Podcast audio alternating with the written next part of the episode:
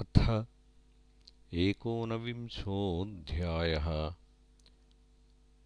परीक्षितः प्रायोपवेशनम् शुकागमनम् च।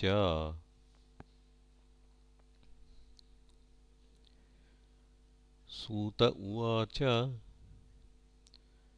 महीपतिस्त्वथ तत्कर्मगर्ह्यम् विचिन्तयन्नात् कृतं सुदुर्मनाः। अहो मया नीचमनार्यवत्कृतं निरागसि ब्रह्मणि गूढतेजसि। ध्रुवं ततो मे कृतदेवहेलनात्। दुरत् यं व्यसनं नातिदीर्घात्। तदस्तु कामं ह्यघनिष्कृताय मे। यथा न कुर्यां पुनरेवमद्धा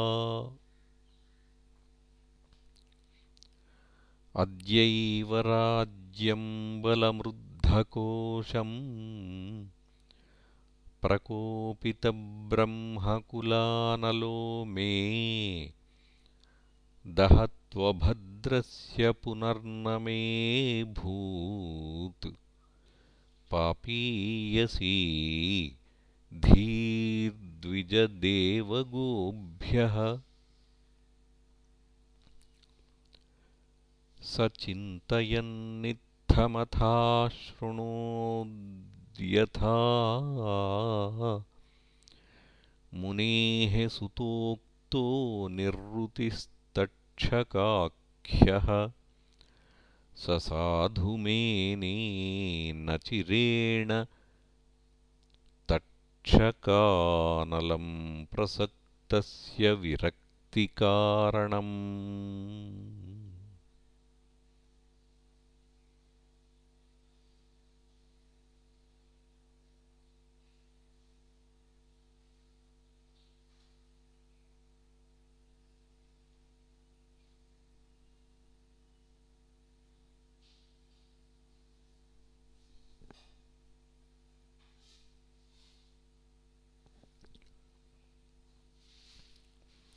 अथो विहाये च लोकम् विमर्शितौ हेयतया पुरस्तात्। कृष्णाङ्घ्रिसेवामधिमन्यमान उपाविशत्। प्रायममर्त्यनद्याम् या वैलसत् श्रीतुलसीविमिश्रकृष्णाङ्घ्रिरेण्वभ्यधिकाम्बुनेत्री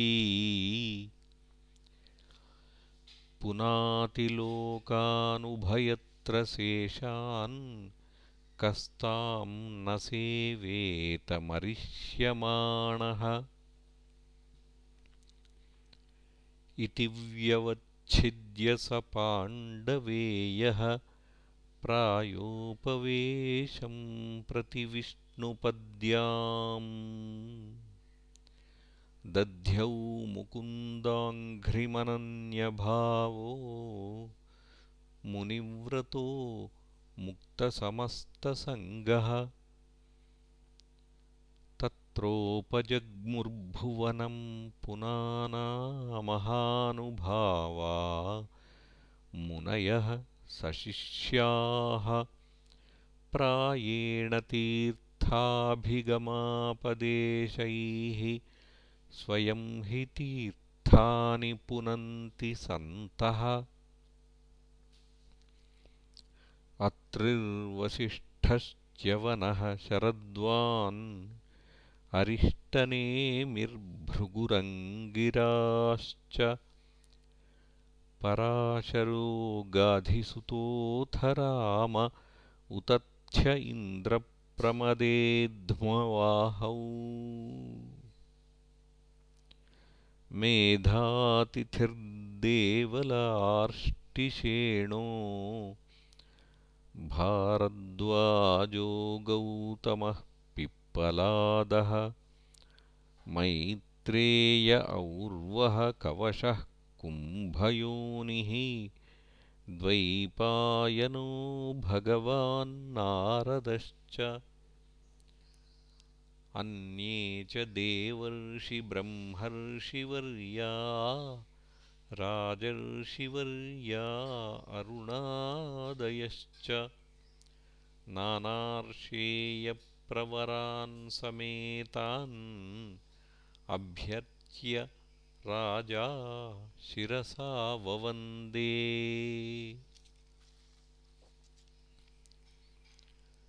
सुखोपविष्टेष्वथ तेषु भूयः कृतप्रणामः स्वचिकीर्षितं यत् विज्ञापयामास विविक्तचेता उपस्थितोऽग्रेऽभिगृहीतपाणिः।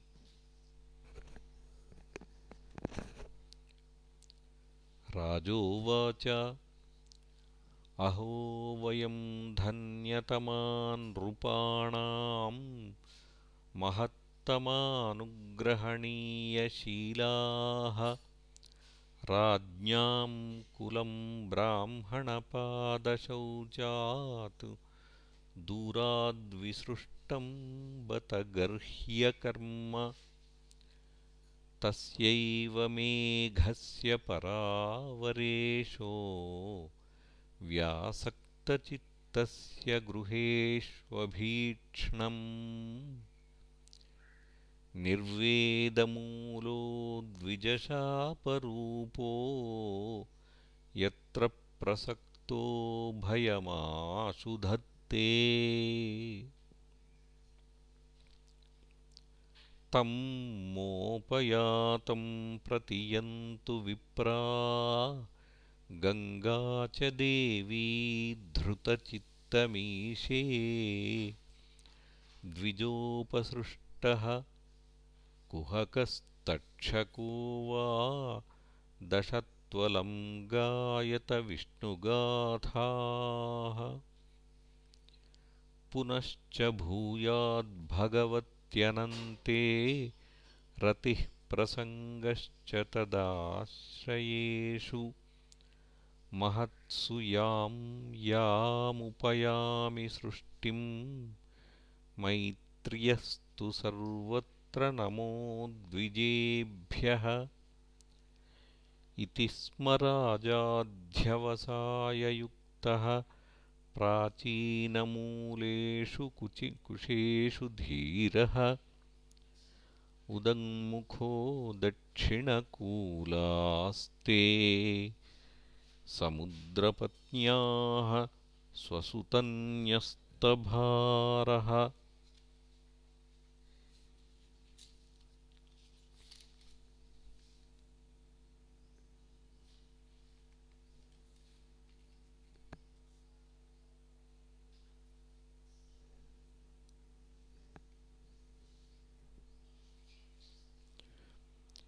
इति स्म राजाध्यवसाययुक्तः प्राचीनमूलेषु कुशेषु धीरः उदङ्मुखो दक्षिणकूलास्ते समुद्रपत्न्याः स्वसुतन्यस्तभारः। एवं च तस्मिन्नरदेवदेवे प्रायोपविष्टे दिवि देवसङ्घाः। प्रशस्य भूमौ व्यकिरन्प्रसूनैः मुदा मुहुर्दुन्दुभयश्च नेदुः। महर्षयो वै समुपागता ये प्रशस्य साध्वित्यनुमोदमानाः ऊचुः प्रजानुग्रहशीलसाराः यदुत्तमश्लोकगुणाभिरूपम्। न वा इदं राजर्षिवर्यचित्रम् भवत्सु कृष्णं समनुव्रतेषु। येऽध्यवसाययुक्ता येऽध्यासनं सद्यो जहुर्भगवात्पार्श्वकामाः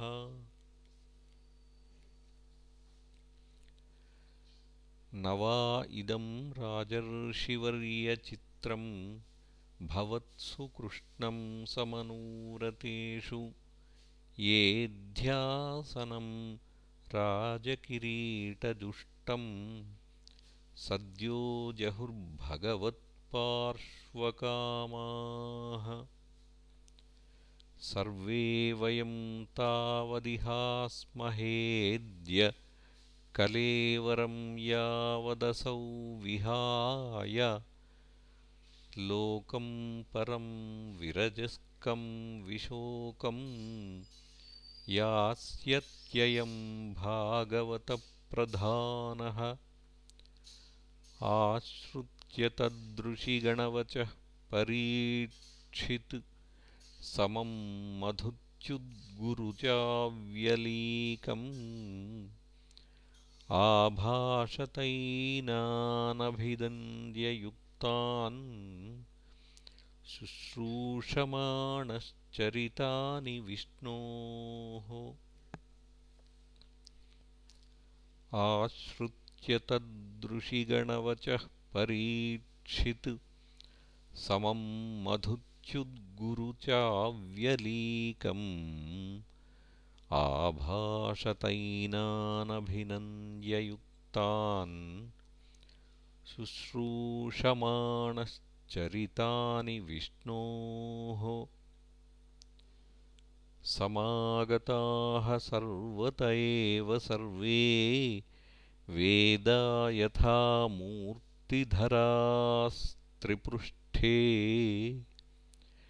नेहाथवामुत्र च कश्चनार्धऋते परमग्रहमात्मशीलम्। समागताः सर्वत एव सर्वे वेदा यथा मूर्तिधरास्त्रिपृष्ठे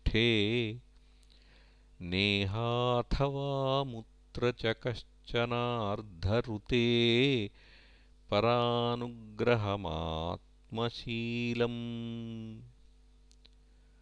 ततश्च वः पृच्छ्यमिमं विपृच्छे विश्रभ्य विप्रा इति कृत्यतायाम् सर्वात्मनां म्रियमाणैश्च कृत्यं शुद्धं च तत्रामृषताभियुक्ताः।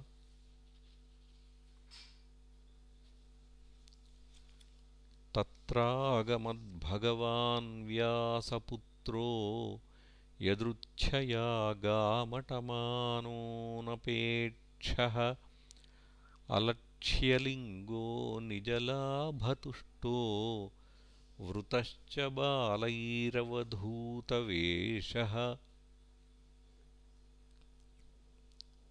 तं द्व्यष्टवर्षं सुकुमारपादकरोरुबाह्वंसकपोलगात्रम् चार्वायताक्षोन्नसतुल्यकर्णसुभ्राननं कम्बुसुजातकण्ठम्।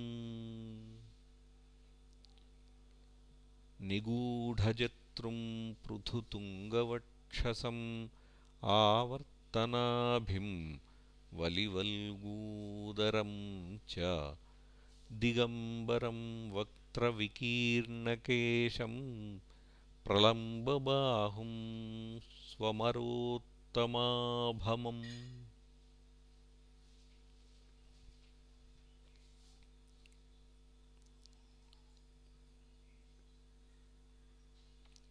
निगूढजतृं पृथुतुङ्गवक्षसम् आवर्तनाभिं वलिवल्गूदरं च दिगम्बरं वक् विकीर्णकेशं प्रलम्बबाहुं स्वमरोत्तमाभम्।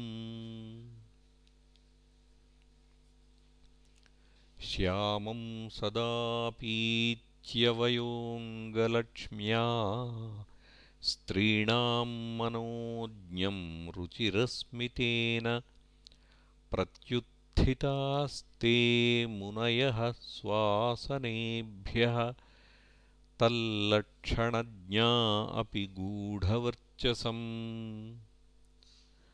स विष्णुरातोऽथिथय आगताय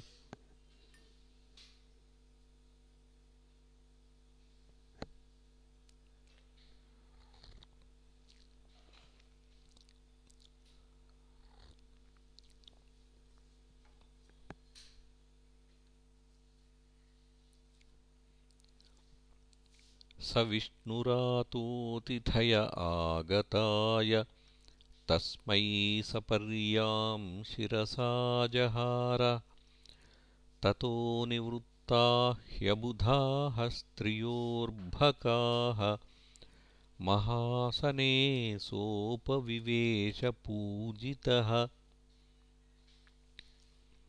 स संवृतस्तत्र महान्महीयसाम् ब्रह्मर्षिराजर्षिसुरर्षिसङ्घैः व्यरोचतालं भगवान् यथेन्दुः ग्रहर्क्षतारानिकरैः परीतः प्रशान्तमासीनमकुण्ठमेधसं मुनिं नृपो भागवतोऽभ्युपेत्य प्रणम्यमूर्ध्नावहितः कृताञ्जलिः नत्वा गिरासूनृतयान्वपुर्च्छत्।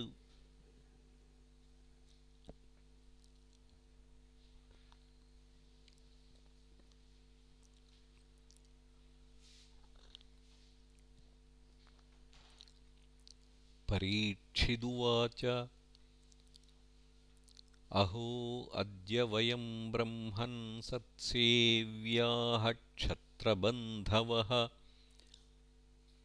कृपयातिथिरूपेण भवद्भिस्तीर्थकाः कृताः। येषां संस्मरणात् पुंसां सद्यः शुध्यन्ति वै गृहाः किं पुनर्दर्शनस्पर्शपादशौचासनादिभिः? सान्निध्यात्ते महायोगिन् पातकानि महान्त्यपि सद्यो नश्यन्ति वै पुंसां विष्णोरिव सुरेतराः। अपि मे भगवान् प्रीतः कृष्णः पाण्डुसुतप्रियः पैतृष्वसेयप्रीत्यर्थं तद्गोत्रस्यात्तबान्धवः।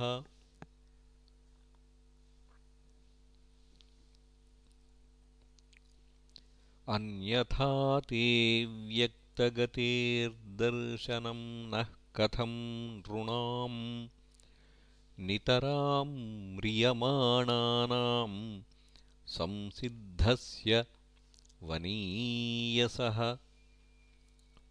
अतः पृच्छामि संसिद्धिं योगिनां परमं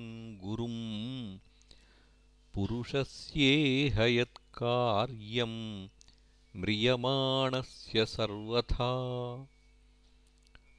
यच्छ्रोतव्यमथो जप्यं यत्कर्तव्यं नृभिः प्रभो।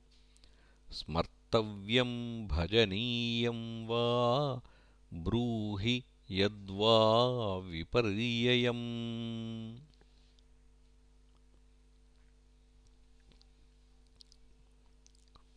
नूनं भगवतो ब्रह्मन् गृहेषु गृहमेधिनां न लक्ष्यते ह्यवस्थानमपि गोदोहनं क्वचित्।